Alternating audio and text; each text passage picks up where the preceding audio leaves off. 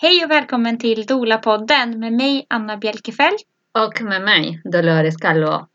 Idag är barnmorskan Anna Jensen här för att berätta om projektet Dola och kulturtolk i Stockholm.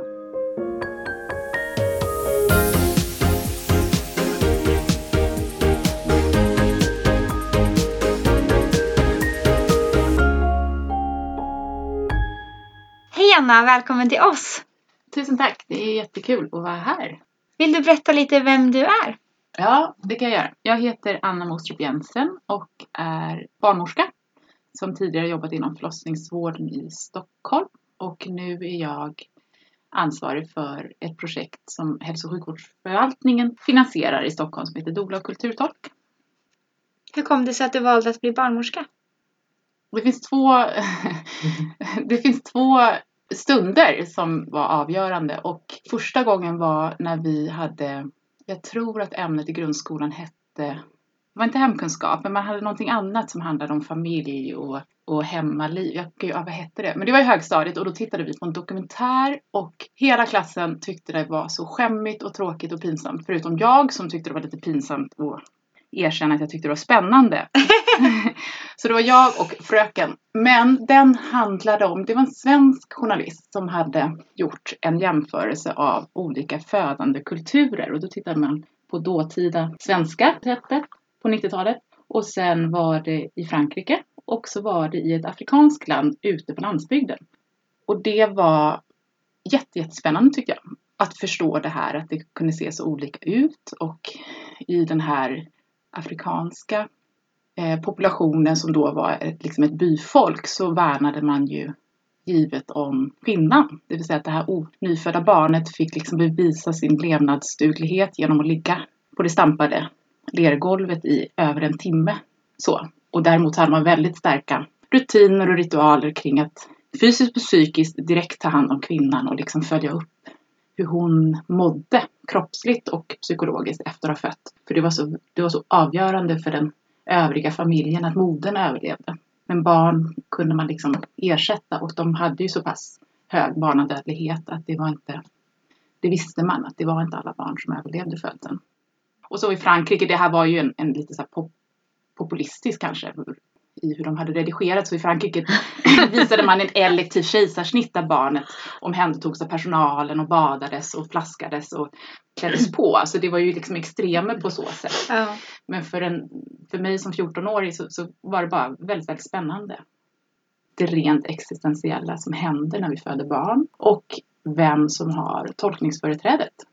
Hur gör vi och varför gör vi som vi gör? Mm. Kan jag säga nu. Det var inte så jag kände i klassrummet. Och sen var det senare när jag jobbade på en fyrhågård eh, med djur som gårdsföreståndare då under pågående landningsperiod där man ju då vaktar fåren och ser hur de mår och observerar dem och sådär. Men ibland också är tvungen att hjälpa till med fellägen, det vill säga om flera lamm kommer samtidigt. Så kom jag liksom tillbaka till den tanken kring att stötta kvinnor och familjer när de föder sina barn. Så då efter det jobbet så sökte jag syrra sjuksköterskeutbildningen med, med slutmål att läsa till barnmorska. Mm. Här i Stockholm? Ja, nej, eller gjort sjuksköterska i Stockholm men barnmorska var i Göteborg. Och det är faktiskt en av anledningarna till att jag jobbar med Dola och kulturtolk idag. Okej. Med facit i hand. För jag läste min utbildning 2008 på Sahlgrenska och precis då startade föreningen Födelsehuset upp sin första kulturtolks-Dola-grupp. Och det var ju eh, Bodil Frey och även Eva-Maria Wassberg som är barnmorska som drev igång det. Så att Eva-Maria var inne och berättade om deras initiativ på vår utbildning. Plus att jag hörde ju från mina kursare som gjorde sin placering på det som kallades normalen, alltså förlossningen, den stora förlossningen på Östra sjukhuset. Deras upplevelse av eh, utlandsfödda kvinnor då som kom och födde tillsammans med en kulturtolkstola. Och det i sin tur gjorde att jag 2014 tog kontakt riktat med, med Eva-Maria och Maria Hogenäs som då var verksamhetsledare för Dola och kulturtolk i Göteborg. Och var på studiebesök och också fick stor hjälp av de två vad det gäller att formulera en projektansökan till Stockholms läns landsting. Hur kommer det sig att du hade intresse för det? Området, inom ditt område? Ja, alltså i och med att jag var så oerfaren vad det gäller sjukvård när jag började läsa till sjuksköterska så hade jag hela tiden kände, jag kände mig lite som ett underläge under sjuksköterskeutbildningen jämfört med de här. Ni vet, det finns ju många drivna inom vården som har gått undersköterska redan i gymnasiet. Då. Alltså de är otroligt kunniga och kompetenta och jobbar som vårdbiträden. Jag hade inte gjort någonting. Så då försökte jag kompensera och bland annat var jag väldigt motiverad att kunna jobba på förlossningen som undersköterska. För det kan man göra när man har läst fyra terminer på programmet kan man söka sommarjobb som undersköterska. Och det fick jag möjligheten att göra. Och det var i samband med den sommaren framförallt och sen fortsatte jag som timme sista året på sjuksköterska. Eftersom jag jobbade på Karolinska i Solna i Stockholm som har en, en väldigt bred sammansättning, både socioekonomiskt men också moderns ursprungsland bland de kvinnor som föder så fick jag det på köpet, den här verkligen ögonöppnaren, hur olika vi föder men såklart också att det ibland inte är till kvinnans fördel på något sätt. Även att hon eller hennes liksom, nätverk kanske har en kompetens eller en kunskap så blir det väldigt, väldigt svårt om man inte kan uttrycka sig i förlossningssituationen och framförallt när det finns faktorer, det vet ju ni, av liksom rädsla och stress så blir det ju ännu, ännu svårare att kommunicera. Så det, det triggade liksom mitt det här intresset för våra skillnader och likheter när vi föder ännu mer. Att Mm. få se det i praktiken. Berätta då vad en kulturrola är. Eller kulturtolkstola, säger man Ja, det är ju lite en, en, en tungvrickare och det är ju det här med kulturtolk. Det är på gott och ont, för vi har ju vad vi vill höra i det begreppet. Alltså, en kulturtolk används ju bland, inom primärvården inom vissa landsting och det syftar till att tydliggöra att det inte nödvändigtvis bara handlar om att korrekt återge den verbala kommunikationen när man ska, till exempel inom sjukvården, tydligt kunna förmedla vad en individ vill uttrycka och, och söker hjälp för. För att där finns ju en makt, ett maktförhållande i att en hjälpsökande eller en födande kvinna har ju alltid ett underläge i det. Man kommer in till liksom en institution som har rutiner och rekommendationer och så. Och då, då, vilket är glädjande, så använder vi mer och mer generella kulturtolkar idag för att man förstår att tolken kan kliva ur den helt neutrala översättande rollen och bekräfta individens farhågor eller traditioner informellt kan stärka individens tillförsikt och möjlighet att vilja uttrycka sig och vilja bli förstådd. Så att en kulturtolksdola är precis som en, en gängse dola framförallt en stödperson till den födande kvinnan och hennes familj. Men viktigt att förstå är också att i sin roll, i sin aktiva roll när kvinnan föder, är hon också en brobyggare.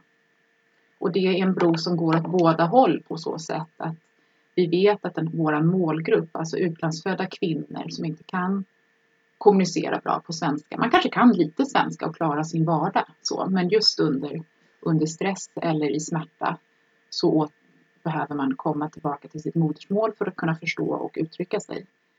Så handlar det om att Kulturtolkstolen ska kunna stärka kvinnans möjlighet till att göra till exempel informerade val.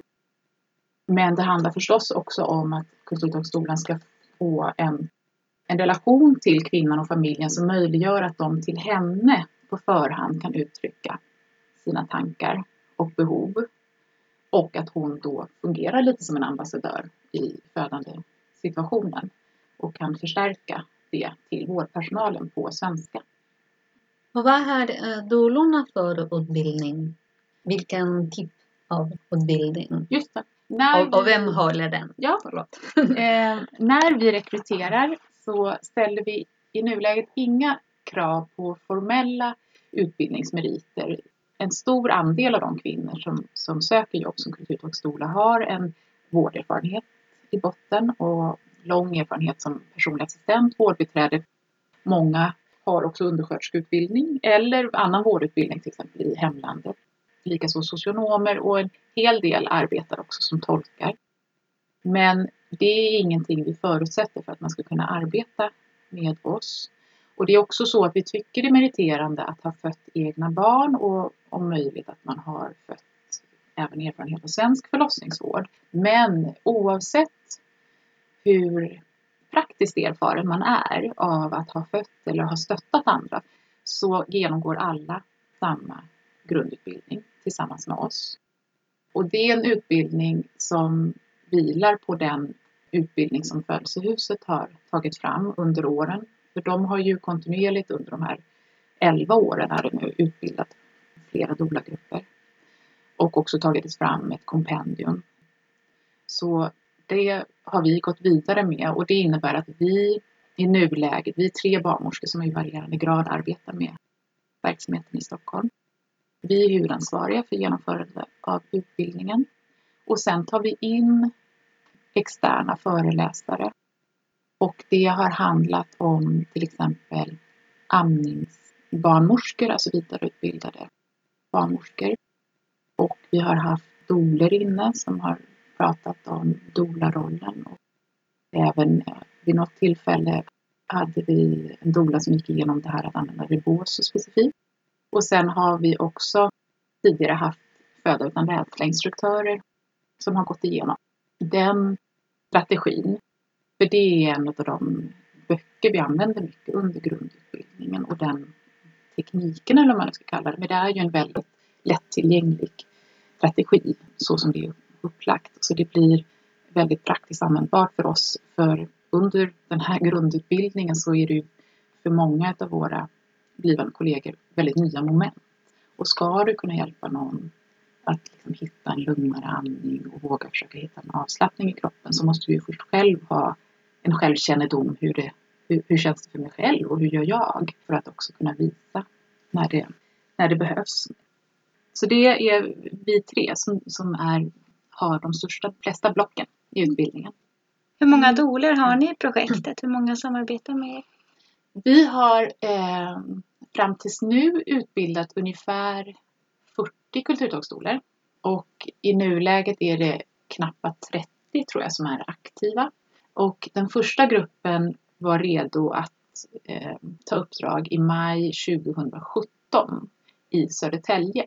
För det var ett politiskt beslut när det här projektet fick finansiering så ville politiken i Stockholms läns landsting att den första gruppen eh, skulle starta med fokus på eh, populationen i Södertälje och i samarbete med förlossningskliniken på Södertälje sjukhus.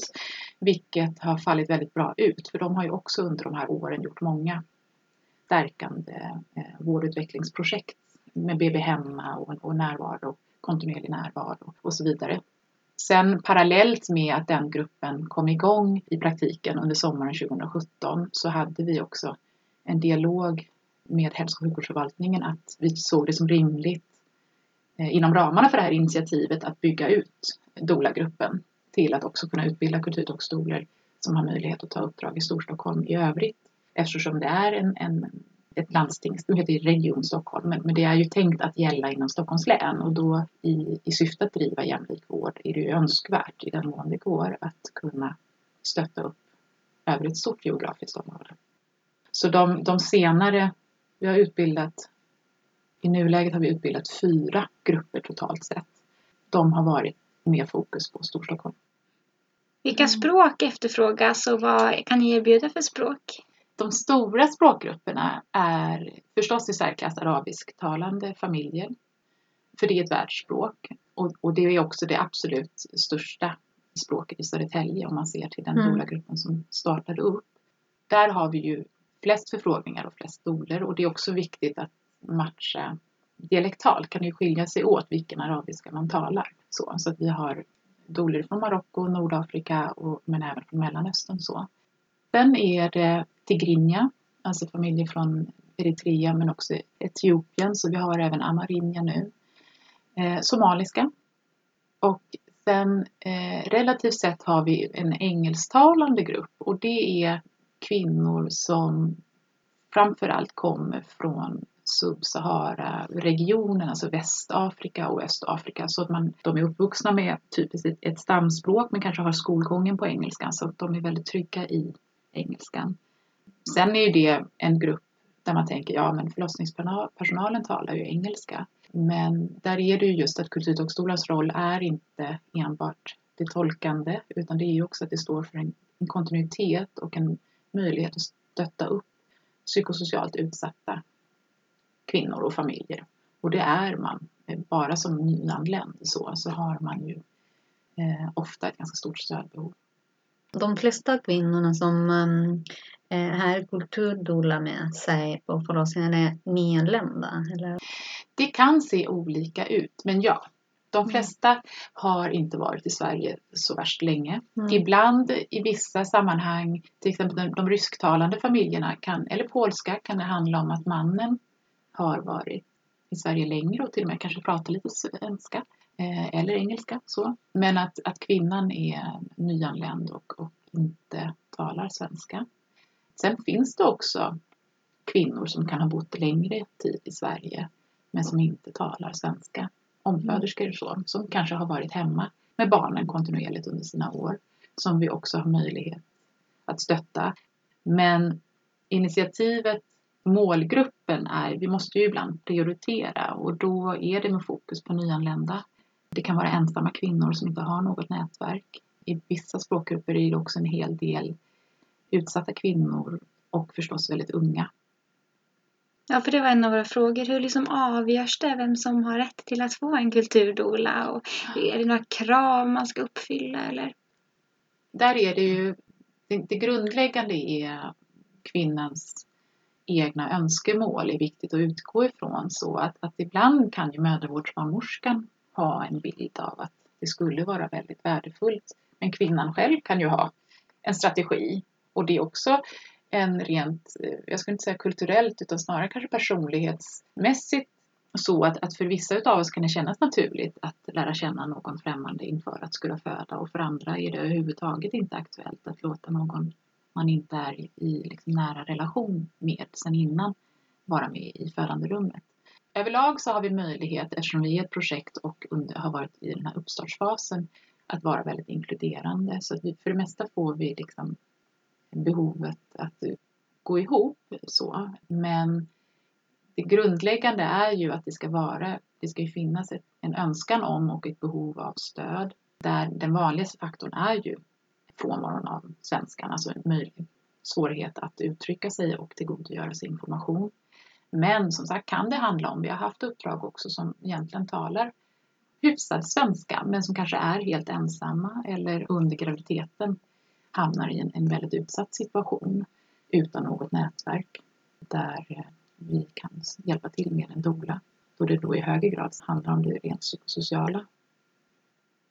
Och sen är det balansgången att ibland talar vi utmärkt eh, svenska eller talar vi det språket i det landet där vi bor. Men just när det kommer till att, att vänta och föda barn så, så är, har man helt andra traditioner eller tankar och så vidare. Att, att det just kan vara viktigt att få den här brobyggaren till, till hälso och sjukvårdsuppdraget. Eh, vad, vad det är vi rekommenderar och varför rekommenderar vi det. Och så vidare. För det vet vi att det, det, det handlar inte bara om det språkliga. Eh, det här att utlandsfödda kvinnor har högre risker för komplikationer under graviditet och förlossning. Utan det kan också handla om olika perspektiv på vad graviditet och födande innebär och vad som är bäst för mor och barn och så vidare. Där man, där man lyssnar i högre grad på det egna nätverket. Det är så man är fostrad eller som man är, är van att i första hand söka information. Inte genom att läsa pamfletterna som kanske till och med är översatta som man får från mödravården. Utan man behöver få känna sig trygg med informanten. Och är det kvinnorna som söker sig till er? Eller hur, hur gör ni för att Ja. eh, eh, nå kvinnorna? Det är en jättebra fråga och i nuläget så är det i majoriteten av alla uppdrag så att det är genom att vi har aktivt informerat mödravårdsenheterna om Mm. projektet, syftet och, och ramarna. Att de helt enkelt tillfrågar familjerna i samband med att de är på besök på mödravården. I Göteborg till exempel jobbar man mycket mer aktivt med att kvinnan via hemsidan kan ringa till dolan direkt. Till exempel så som det fungerar på ODIs hemsida också. Att det är för de doler som vill finns det ju kontaktinformation och så.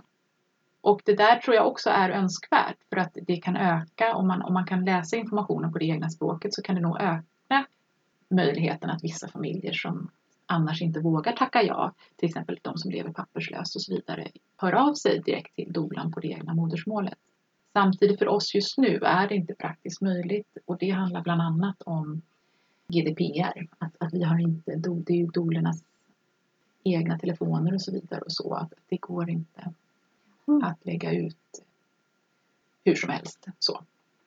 Plus att vi är ju skyldiga och i det här projektstadiet så hämtar vi in viss information som hälso och sjukvårdsförvaltningen vill följa upp. Till exempel vilka mödravårdsenheter och vilka förlossningssjukhus och så vidare. Eh, Så det gör, den informationen får vi via mödravården när de, när de ringer.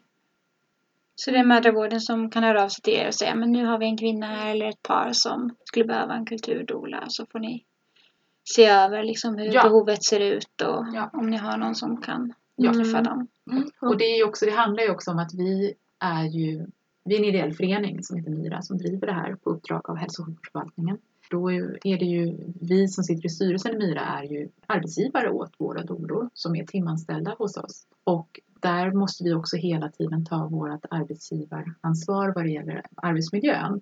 Till skillnad från ordinarie doulor som ju oftast, inte alla tror jag, men många arbetar ju som egenföretagare och då är man sin egen arbetsgivare och kan reglera hur mycket eller lite man vill jobba. Ehm, Så det är också en anledning att vi i det här skedet, just under uppstart, måste eh, strukturera och också förstås fördela uppdragen inom doula-gruppen. Kan vi backa lite? Mm. Ni började 2017, så är det, här i Stockholm. Mm. Men inte i hela Stockholm. En gång till. Ni finns i Södertälje. Ja, på, första doula-gruppen Mm. var färdiga i maj 2017 Mm. och i november 2017 utbildade vi 11 doulor till i Stockholm. Okej. Mm. Så nu verkar ni i hela Stockholm. Ja. Bra, superbra. Och sen så berättade du lite om Mida. Mm. Vill du berätta lite mer om förening? Ja, det, det är egentligen eh, organisatoriskt det som föll sig lämpligast när jag skrev min ansökan och det var ju också i samråd med eh, kollegorna i Göteborg.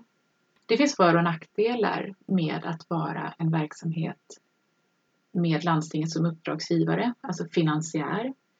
Att vara frikopplad eller vara intern. Eh, Mm. Man skulle ju, jag hade kunnat vara projektledare på hälso och sjukvårdsförvaltningen också och doulorna direkt anställda av Stockholms läns landsting. Så gör man i Sörmland nu till exempel. De har kulturdoulor sedan i höstas. Men vi valde att se det som en fördel att vara frikopplade och då är vi en ideell förening. Men det är ju en rent Många ideella föreningar kommer ju sig av för att man sätter sig och hittar ett gemensamt intresse och hobby som man vill driva vidare. Det här, det här låg i ansökan och hände sen. Alltså Mira bildades i september 2016 när finansieringen gick igenom. Så. Eh, och med facit i hand så har det varit, jag är jätteglad över våran lilla men tappra medlemskara men framförallt också den styrelse som jag fick till den hösten. För, för det har varit väldigt, väldigt eh, bra och kvalitativt under de här åren där vi egentligen har drivit igång verksamheten väldigt intensivt, utbildat många dolor och, och marknadsfört oss brett i länet. Så har just den här styrelsen där det sitter eh, personer med olika yrkesbakgrund och vardagssituation fungerat väldigt bra som en styrgrupp för projektet. För att man kan se på fenomen och planeringar med olika perspektiv och då, då blir det liksom en kvalitativ diskussion. Vad är skäligt och hur ska vi, ja, men till exempel arbetsmiljö eller lönesättning. Och så.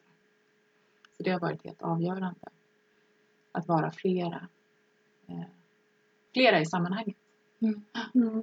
Och nu eh, finansieras projektet av Region Stockholm Ja, eh, de senaste två åren. Ja, det är eh, Har ni eh, finansiering i framtiden? Eller? Ja, alltså det, det, vi är ju, eh, det beviljades utifrån att SKL på uppdrag av Socialdepartementet, alltså på nationell nivå, ju genomförde en väldigt stor projektsatsning på förlossningsvården i hela Sverige.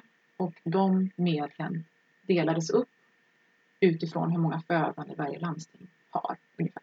Det vill säga att Stockholm och och Malmö och Göteborg blev de stora, stora liksom, finansiellt sett så vinnarna.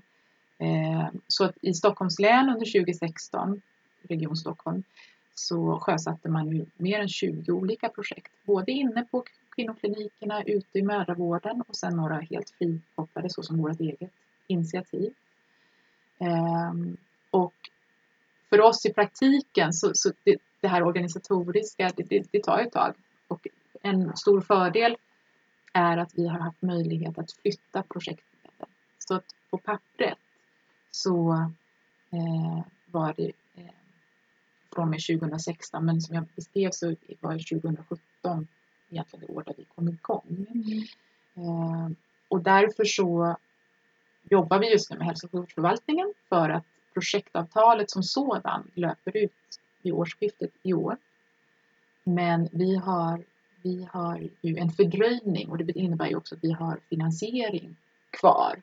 Så, så vi hoppas på och har fått positiva signaler att vi ska kunna få en förlängning Mm. för verksamheten Mm. bortom 2019.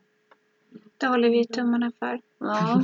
Ja, ja. det uppskattas. Ja. Hur, ser samma, eller hur kan samarbetet se ut mellan dolor och eh, födande? Ja, det, är ju, det kan variera väldigt eh, när eh, kollegorna på mödravården hör av sig. Eh, men det brukar lösa sig väldigt bra. Eh, för det vanligaste är som sagt att, att jag exempelvis vänder mig till en doula inom språkgruppen och hör om hon har möjlighet och intresse att ta uppdraget. Och, och då är man ju som, som när man arbetar på uppdrag, då har man ju möjlighet att titta i kalendern. Nej, Men då är jag bortrest två veckor, jag kan inte ha jour eller nej, jag har jättemycket i skolan då.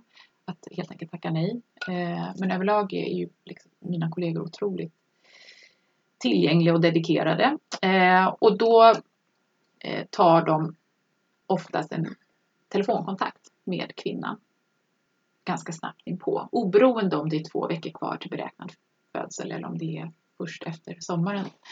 Eh, för det är viktigt för kvinnan att få återkopplingen. Det kan också vara väldigt avgörande att få en tydlig information om vad kulturtolksskolan kan bistå med. Och det handlar både om att eh, gravida och familjer kan ha en rädsla, att det kanske finns någon form för eh, myndighetsutövande, att man kommer från socialtjänsten eller att de har erbjudits det för att barnmorskan tror att de inte... Eh, ja, det finns många missförstånd ibland. Mm. Och det kan också handla om att eh, Ehm, det här att det är någon som inte finns i det naturliga nätverket, alltså doula-rollen är ju väldigt bekant för många kvinnor från hela världen. Att man har någon man är trygg med som en kvinna typiskt som, som stöttar när man föder. Men det här att det, att det är någon utifrån kommande eh, är det också många som behöver förstå varför det är så och huruvida det kostar någonting. Och förstås, som för de flesta utav oss, är det helt avgörande att också förtydliga att även att dolans roll är att vara stödjande eh, och inte eh, ge till exempel medicinska råd eller liksom vårda på så sätt som sjukvårdspersonal så ligger hon under helt samma tystnadspliktsförhållanden så att, så att dolan har ju full sekretess eh, utifrån vad hon hör och upplever tillsammans med familjen. Det är också väldigt viktigt för många individer att eh, få klargjort. Eh, och tyvärr förstås att framförallt inom vissa språkgrupper är det här kvinnor och familjer i väldigt, väldigt stor nöd. De vet inte vart de ska bo när barnet kommer. De kanske eh, har, lever i ett skyddat boende just nu på grund av våld från tidigare relation. Eh, de kanske är jättemissnöjda med det Migrationsverket har flyttat dem till efter att de har fått sitt uppehållstillstånd. Och där måste dolan också vara väldigt tydlig med sin kapacitet. För att eh, tolkar man på något sätt att man kanske kan få hjälp med bostad och så får man inte det i slutändan då, då, då blir det inte någon bra, det blir ingen bra grund för relationen. Så. Och det är svårt, det är en jättestor utmaning. För det här, det, det finns många kvinnor och familjer i stor nöd. Och det vi gör som verksamhetsledare är ju i den, i den mån det är möjligt försöka stötta våra dolor på så sätt att vi har haft några fall där kvinnor och familjerna väldigt sent i graviditeten till exempel eh, om de får sitt uppehållstillstånd så flyttas de ju ibland och ibland under asylprocessen kan de också flyttas nationellt så. Där vi har då försökt stötta upp eh, när dolan ringer helt förtvivlad, nu är de på Gotland liksom, eller nu säger de att de ska flytta till Gävle. Eh, och försöka hjälpa dem i vilka kanaler vi kan gå för att förhindra det eller stötta familjen på något annat sätt. Likaså som att de får många frågor förstås kring Försäkringskassan och eh, bostadskön och så vidare för att familjen har ingen annan att fråga. Det kanske är den första kontakten de har utöver de tolkar de har stött på under graviditeten som de kan ringa och faktiskt fråga på sitt eget modersmål. Så det är en balansgång. Det, det går inte eh, det går ju inte som dola, kulturhögskola att bara säga jag kan inte hjälpa dig med det utan vi vet att många av våra kulturhögskolor försöker stötta för att främja tryggheten hos kvinnan. Men, men det är också viktigt att familjen förstår vad syftet är och vad dolans kapacitet är. Svårt tycker jag låter för, för Jätte, dolan. Jättesvårt. Mm. Mm. Och det här är ju också en, en väldigt stor utmaning efter att barnet har fötts. Eftersom eh, kvinnan, som sagt också om man är ny i, i eh, Sverige och kanske har en make men en, en, en make som jobbar mycket och är frånvarande hemma för att klara familjens försörjning så vet vi ju att den här gruppen utlandsfödda kvinnor har högre risk för nedstämdhet barnens födelse. Så de hamnar ju lätt i en isolering och eh, känsla av ensamhet. Eh, och det vi försöker arbeta med där är ju igen att stötta dolan i att vid sina besök med familjen som hon har möjlighet att träffa familjen två till tre gånger efter barnet har fötts.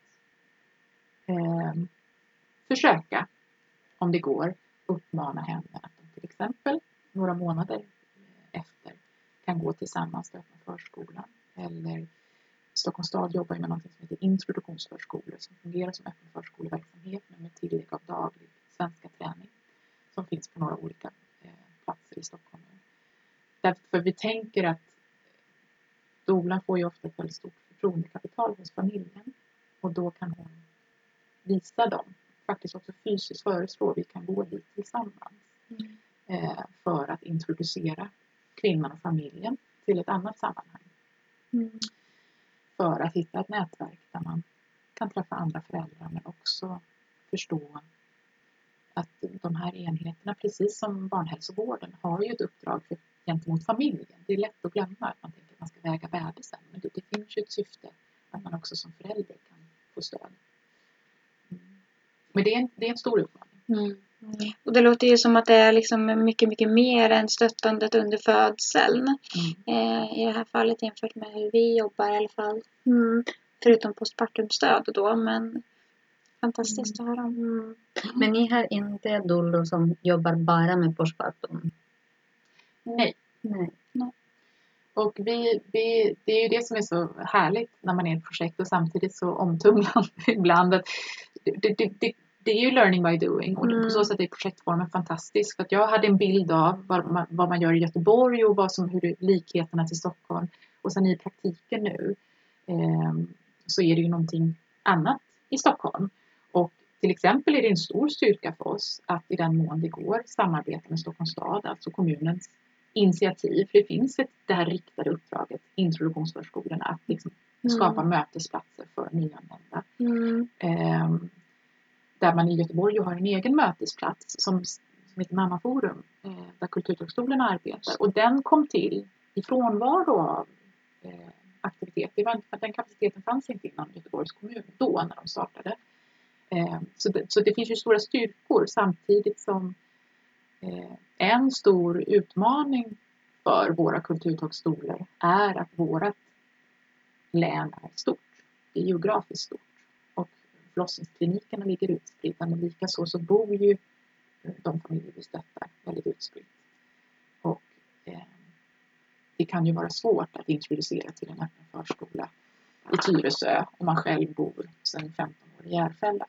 Men som sagt, där försöker vi hjälpa till och liksom skapa eh, mallar och, och, och, hjälpa till att ta kontakt och så vidare. För vi vet att det kan vara så avgörande att också som doula få känna kan visa familjen till ett vidare sammanhang. Mm. Mm. Och vilka andra olikheter ser ni mellan eh, eh Göteborgs erfarenhet och eh, här? Erfarenhet alltså en rent, en, en rent praktisk, det, det, var, det är att mm. eh, eh Västra Götalandsregionen, alltså deras landsting som är huvudfinansiär eh, har alltid eh, delat upp sitt landsting i mindre delar. Mm. Ungefär som de olika kommunerna vi har inom Stockholms län. Och det har gjort att de har alltid fått förhålla sig till, på gott och ont, att ni får hjälpa det här antalet kvinnor i nordost. Okej. Och så får ni använda lite pengar på kvinnor på Hisingen. Mm. Och det är ju synd, för då har de ju behövt neka någon som kanske bor i fel ända av stan. Men, men samtidigt så har det för dolerna har det förenklat. Eh, för där i, i mindre skala, det är ett mindre geografiskt område. Och de har haft två kliniker, nu har de bara en. De har bara en klinik eh, i, hela, i hela det landstinget för förlossning. Så det blir ju också eh, praktiskt.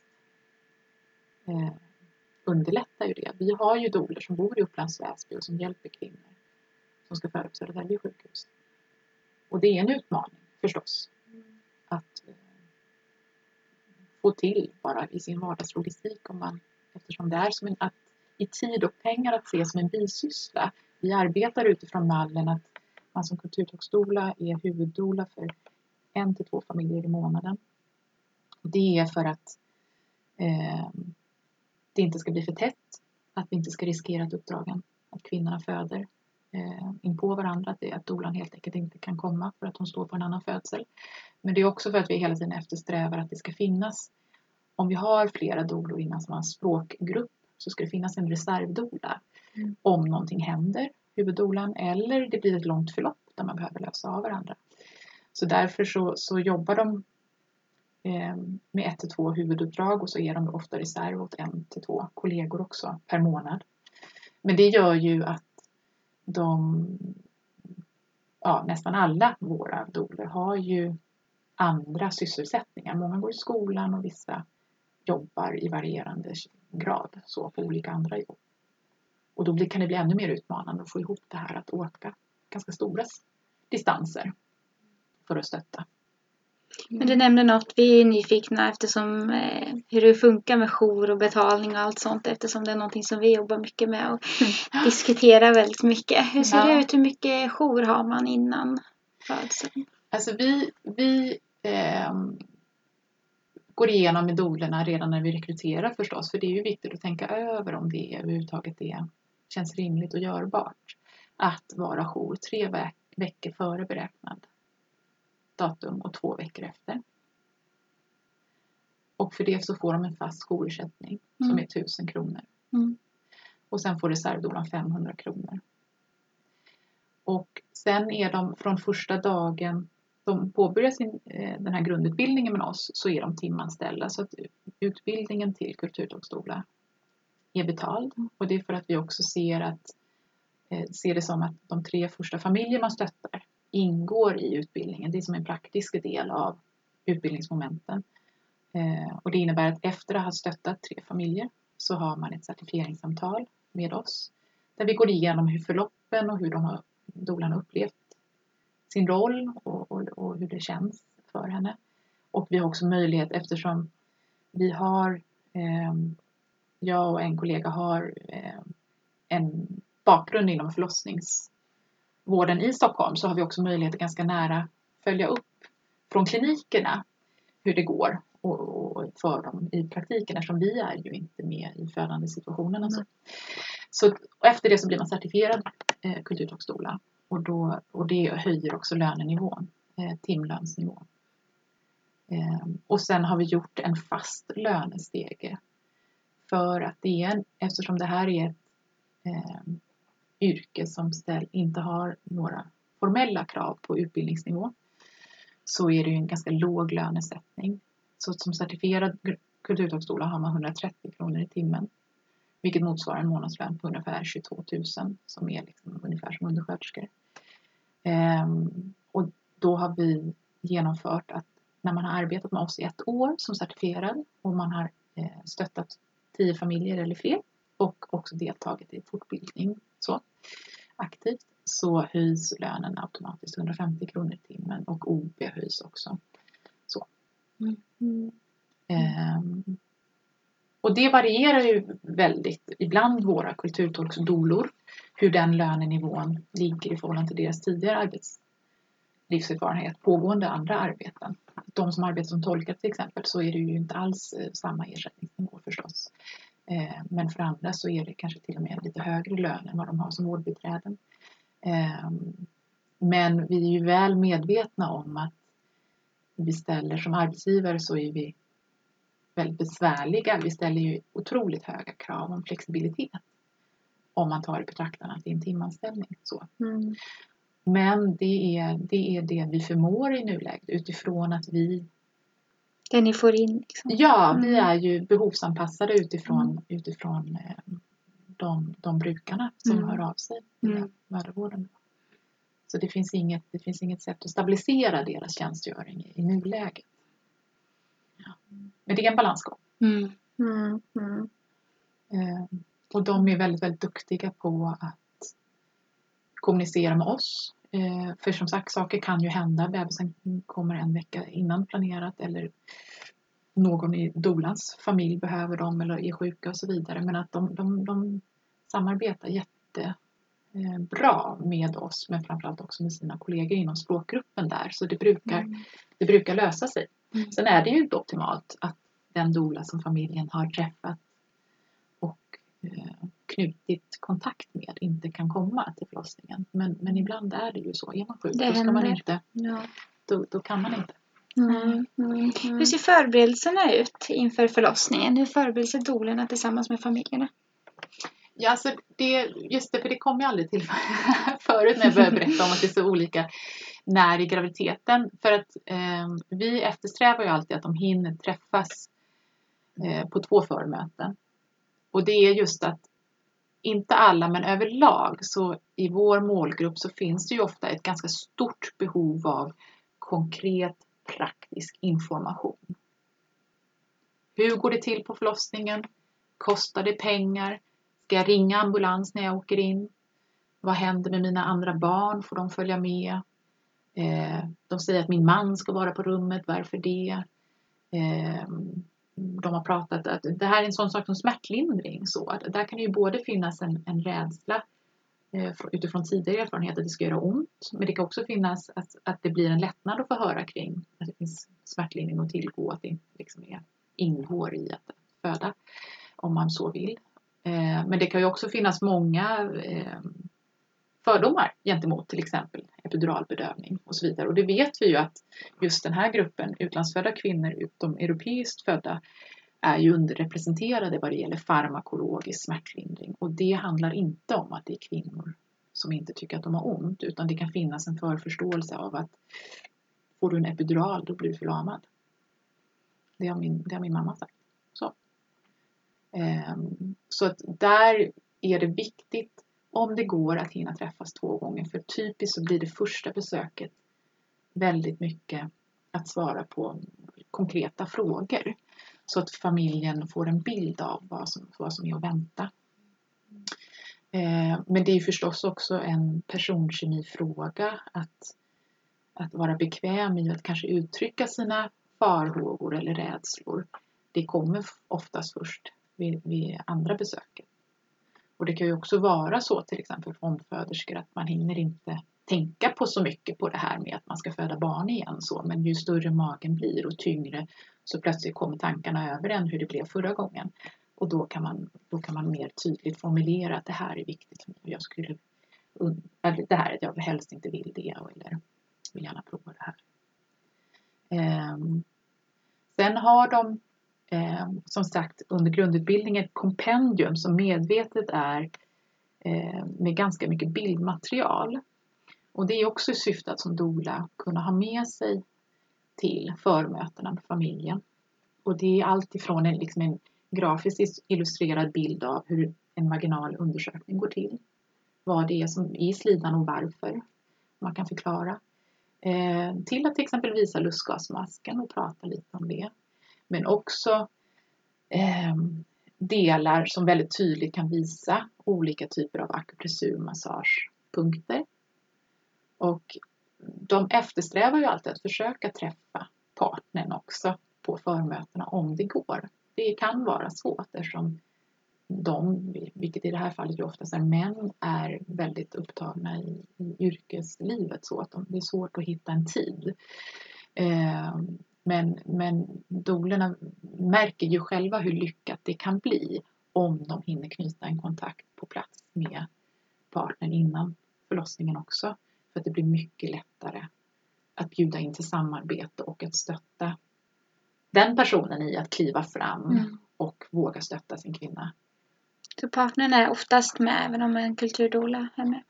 Ja, Mm. majoriteten av våra uppdrag liksom, eh, generellt, är, där är det, finns det en partner. Så. Mm. Eh, och vi har också en, en del lyckade fall av att det kanske har varit eh, män som till en början har uttryckt jag vill inte vara med eller jag är rädd eller eh, jag har förstått det som att det här kan hända och så. Där dolan just på förhand har kunnat introducera till varför det kan vara viktigt och det är ju allt ifrån att absolut för vissa män så passar det jättebra att få ta emot sina barn men för andra så handlar det om att man vågar gå ut och hämta ett glas med saft till sin kvinna under födandet och det är liksom den nivån man är på, kanske hålla handen så. Och det, det jobbar ju doulorna med också. Mm. Eh, Men det, det, det, det är kul för de får ju ofta, precis som jag tänker att ni erfar också, en väldigt kontant återkoppling från partnern när barnet har fötts. Eh, Så att de uppskattar den, det stödet.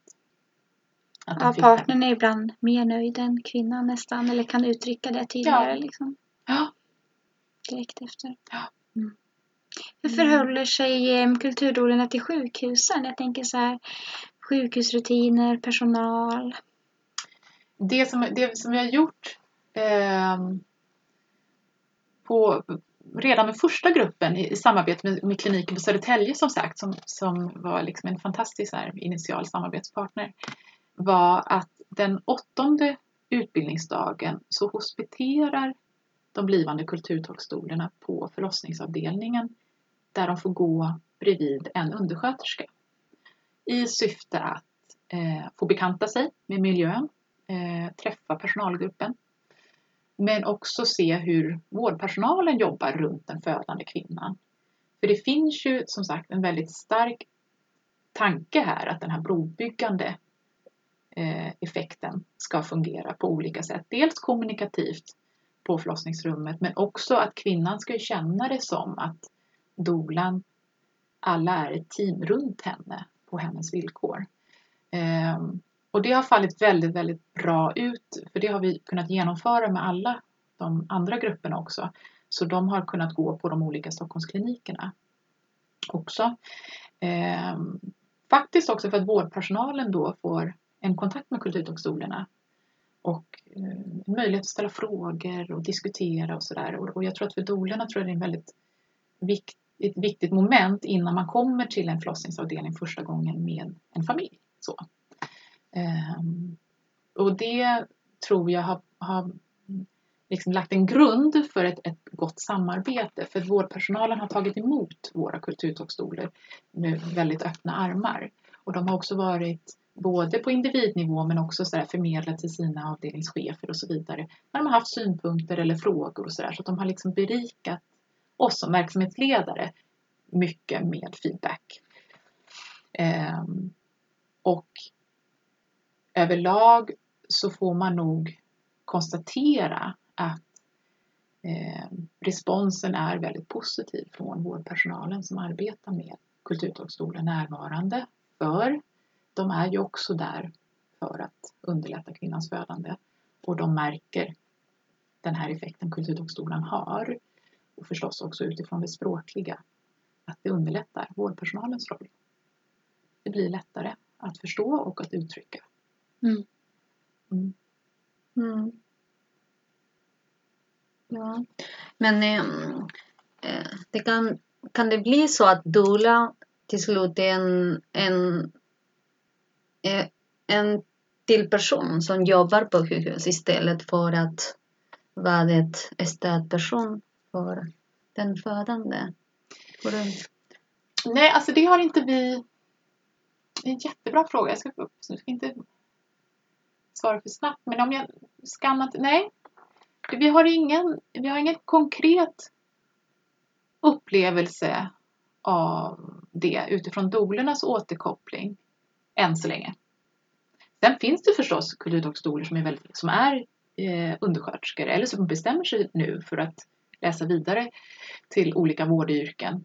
Men, men vi har aldrig fått höra det. Jag vet, jag, det som låg långt bak i bakhuvudet var att jag vet att vid ett hospiteringstillfälle, alltså inte med en familj på sjukhuset utan en dola som skulle få gå det här hospiteringspasset. Den dolan upplevde att undersköterskan lite hade missförstått syftet sådär så att hon drog sig igenom avdelningsrutinerna. Nu ska vi gå till sterilen och nu, alltså sådär som man gör när man introducerar en ny kollega just. Så do, den dolan var inte så nöjd med sin hospitering. Jag tror också att hon gjorde om den på en annan, en annan kollega.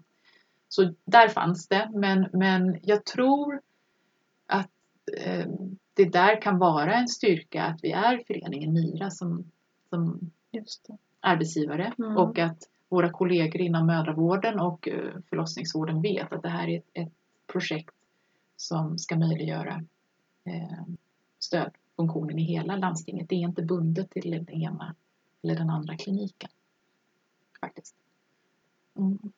Eh, finns det liknande projekt på fler ställen förutom som du nämnde Göteborg och eh, Sörmland? Sa du, va? Ja, ja, det där är jättekul för det är ju eh, under de här åren som sagt som jag själv har gått och fnulat på det parallellt med att jag eh, tog kontakt med Göteborg mer aktivt 2014 så har ju även eh, en dola i eh, Skåne, hon bor väl inte i Malmö, men en, en tjej som heter Anna Talve och även eh, barnmorskan eh, Jenny Dalsmark som bor, hon var baserad i Halmstad, så det är Region Halland. Vi träffades på en sån här workshop som Födelsehuset bjöd in till just för att de hade fått de här intresseanmälningarna. Eh, och Halland är ju igång också med SKL-finansieringen och Malmö där har ju Anna varit inne också och hjälpt Maria Hogenäs som numera är där med de här jalladolorna. Eh, sen, sen ser det ju olika ut vad det är för organisationsform, vad det finns för finansiering och på vilka villkor. Så till exempel Malmö har haft möjlighet att utbilda väldigt många doler men de har inte kommit igång praktiskt med förlossningsuppdrag. Eh, Uppsala startade för drygt ett år sedan upp kulturdoler som primärt fungerar som eh, i stödfunktionen under mödravårdstiden och efter barnets födelse på familjecentralerna. Och de arbetar också aktivt för att få till den här förlossningsstöttande delen. Men det är också en annan, liksom ett annat huvudfokus. Och sen vet jag att sen i höstas skrev man blir ju lite, inte bara dagvild utan årsvild. Men i alla fall, sen ett tag så har även Region Värmland, alltså landstinget i Värmland, eh, utbildat ett gäng med både kulturdoler och kulturtolkar. Så där jobbar man, eftersom det är så stort geografiskt, så jobbar man både med individer som kan stötta under födandet men också det här att stötta upp under mödravårdstiden och postpartumtiden på familjecentraler och sen har vi Västernorrland är det ju, alltså uppe i ja, region Västernorrland. Eh, där det finns kulturdoler sedan ganska många år och mig veterligen har det initiativet också permanentats.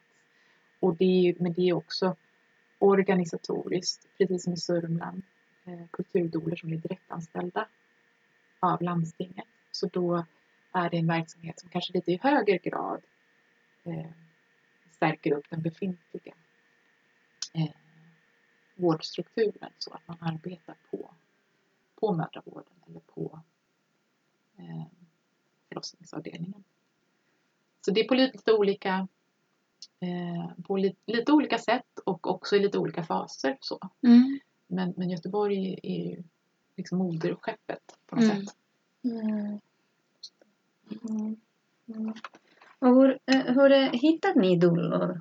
Eh, eller de dullor som eh, söker sig till förening? Hur det, det är ganska varierande men, men, vi håller på att rekrytera nu faktiskt för att genomföra en utbildning här eh, sen efter påsk för att förstärka några av just de stora språkgrupperna och sen försöker vi alltid hitta några språk som vi inte har än, eh, till exempel bengali och urdu har vi bara en dola inom sådär.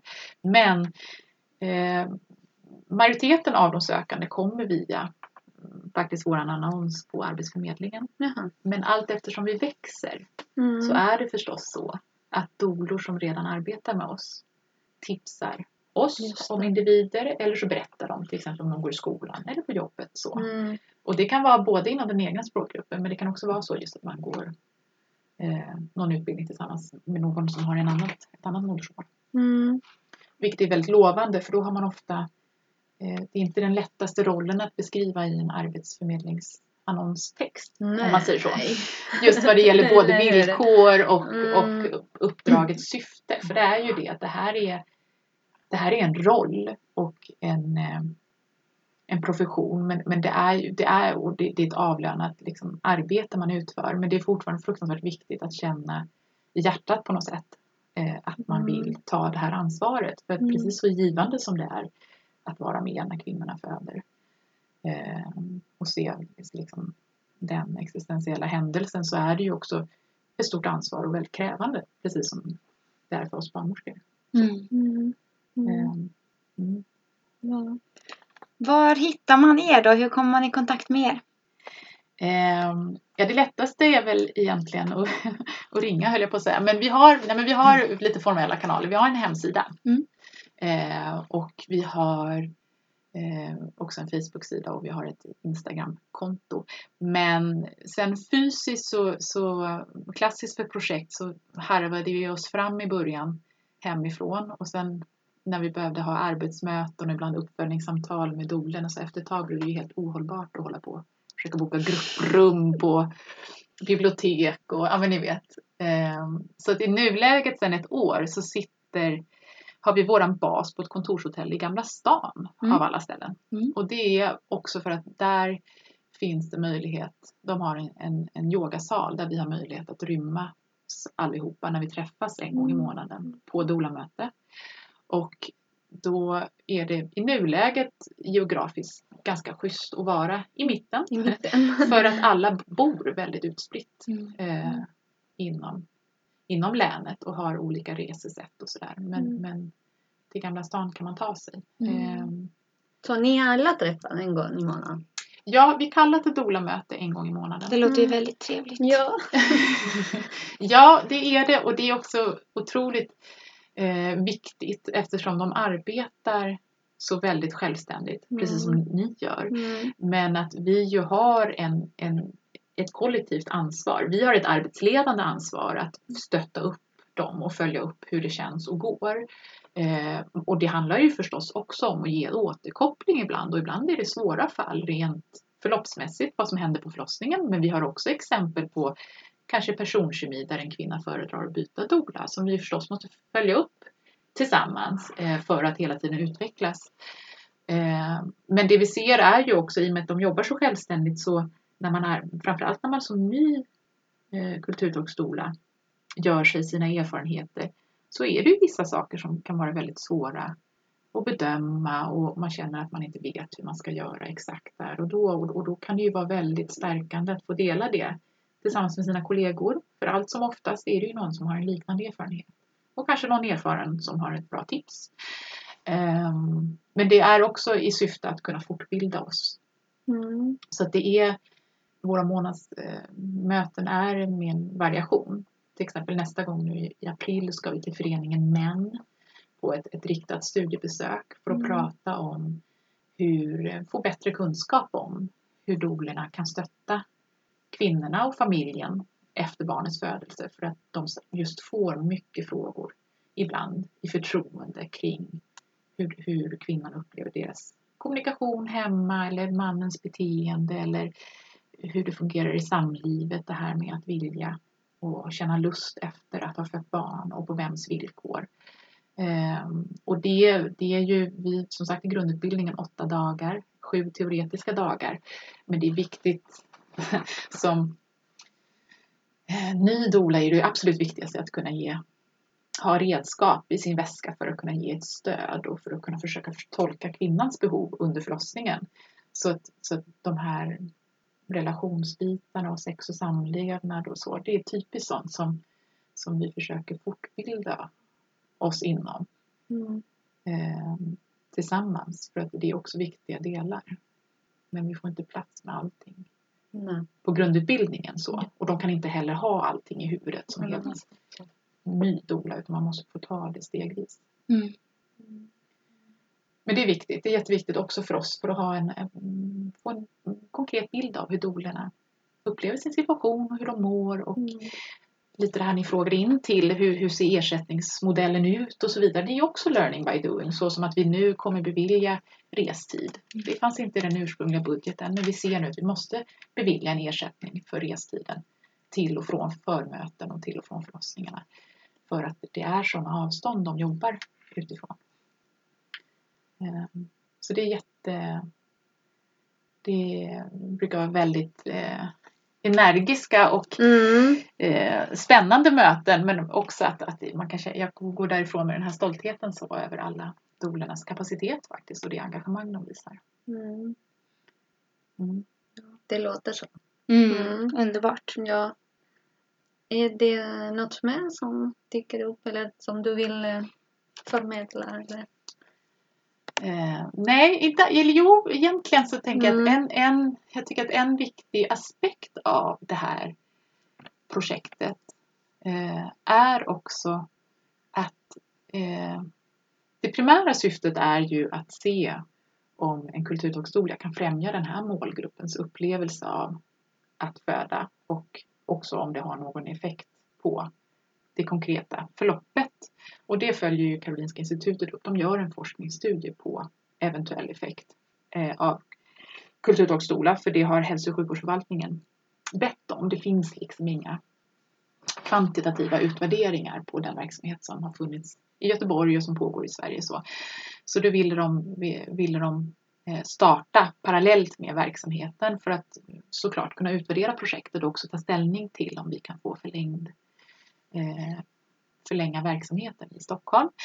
Men eh, någonting som, som jag inte hade en tanke på back in the days men som jag är, tycker är jättespännande och också väldigt glad över att erfara nu det är att för de kvinnor som söker sig till oss och arbetar som kulturtolkstolar så kan det ju också i varierande grad ske en empowerment eh, på så sätt att de får ett ökat incitament att läsa vidare. Ehm, allt ifrån att komplettera komvux för att kunna läsa till sjuksköterska för att vilja till exempel bli barnmorska. Men också det här att de vill fördjupa sin dubbla roll. Ehm, vissa läser, ehm, söker in och läser vidare till undersköterska. Och andra, eh, på gott och ont, får ju sin första arbetsgivare som de kan använda eh, yrkeslivet som referens. Så, så att de får möjlighet att liksom söka jobb eh, vidare. Och det är, ju, det, är ju, det är en anledning till att vi utbildar återkommande. För vi ser också att det finns en omsättning i DOLA-gruppen. Men det som gör mig glad är att det handlar ju inte om att nej men det här var inget kul, jag vill inte jobba mer. Utan det handlar ju om att det, det väcker ett driv hos dem. Eh, Mm. Som jag blir väldigt stolt över att bidra till. För att det Mm. kanske handlar om kvinnor som har varit hemma som sagt i tio år. Eller att vi är den första formella kontakten de har med det svenska arbetslivet. Mm. Eh, Och nu pratar du om dolorna. nu pratar jag om dolerna. Mm. Och det kan ibland också det, bara handla om det här att uttrycka hur stolt man är över sin Mm. roll som kulturtolkstola. Och hur stolt man är över att ha en bättre förståelse för eh, syftet med preventivmedelsrådgivningen eller kunna rådge sina väninnor i eh, var man söker om man upplever liksom bäckensmärtor efter graviditet eller underlivsbesvär och så. Den här kunskaps... Mm. Ja, precis som det är, att kunskap ger makt så att, att det tar dem vidare. Mm. Och det är jättekul faktiskt. Det, är- det är en viktig bieffekt. Mm. av Empowering. det. Ja, Mm. Mm. det är Mm. det. Och den projekt, den forskning som drivs em, eh, på Karolinska, Mm. är det barnmorskorna som... em, Är det en barnmorska? Eller? Ja, alltså det, precis. Det, det är ett forskningsprojekt som drivs på institutionen för kvinnor och barns hälsa. Och det är eh, två docenter som, heter, som är barnmorskor också som heter Helena Lindgren och eh, Mhm. Erika Skytt som är huvudansvariga. Eh, sen är det en ganska, mm, gans- ganska stor avancerad forskningsplan och de tittar bland annat också på materialet i Göteborg där man ju kan eftergranska de drygt tusen kvinnor som har fått stöd där under åren. Eh, men så gör man också en, en eh, utvärdering här i Stockholm där det primära syftet är att titta på kvinnans upplevelse av stöd från en kulturtolkskola. Och sen också det man kallar för utfallet, alltså hur, hur såg förlossningsförloppet ut vad det gäller förlopp, hur man föder och hur man använder smärtlindring och så vidare. Men sen intervjuar man också, man kommer intervjua kvinnor Mm. kvalitativt, alltså fråga in till. Eh, man kommer fråga in personalen på förlossningsklinikerna, upplevelsen av att arbeta med kulturtolkstolar och också kulturtolkstolarna själva, hur det är upplevelsen av att Mm. arbeta i den här rollen. Bra. Mm, och när Jättebra. ska projektet vara klart? Eller ungefär? Utvärderingen? Ja. Ja, det, under det här året är det ju tänkt att de ska så. samla in, men sen är det ju fortfarande när det är på den här nivån att, att sen ska ju data analyseras och där så. Men, men det är ju som sagt eh, från hälso och sjukvårdsförvaltningens sida också sätt att kvalitetssäkra verksamheten så de vill ju Mm. gärna veta resultatet förstås för att Mm. kunna ta ställning till framtiden. Ja, och vi önskar er stort lycka till och hoppas att ni får fortsatt finansiering. Ja. Mm, tack! Tack för ett jättehärligt samtal! Tack för att du ville komma till oss Anna. ja, verkligen. Tack, tack, tack.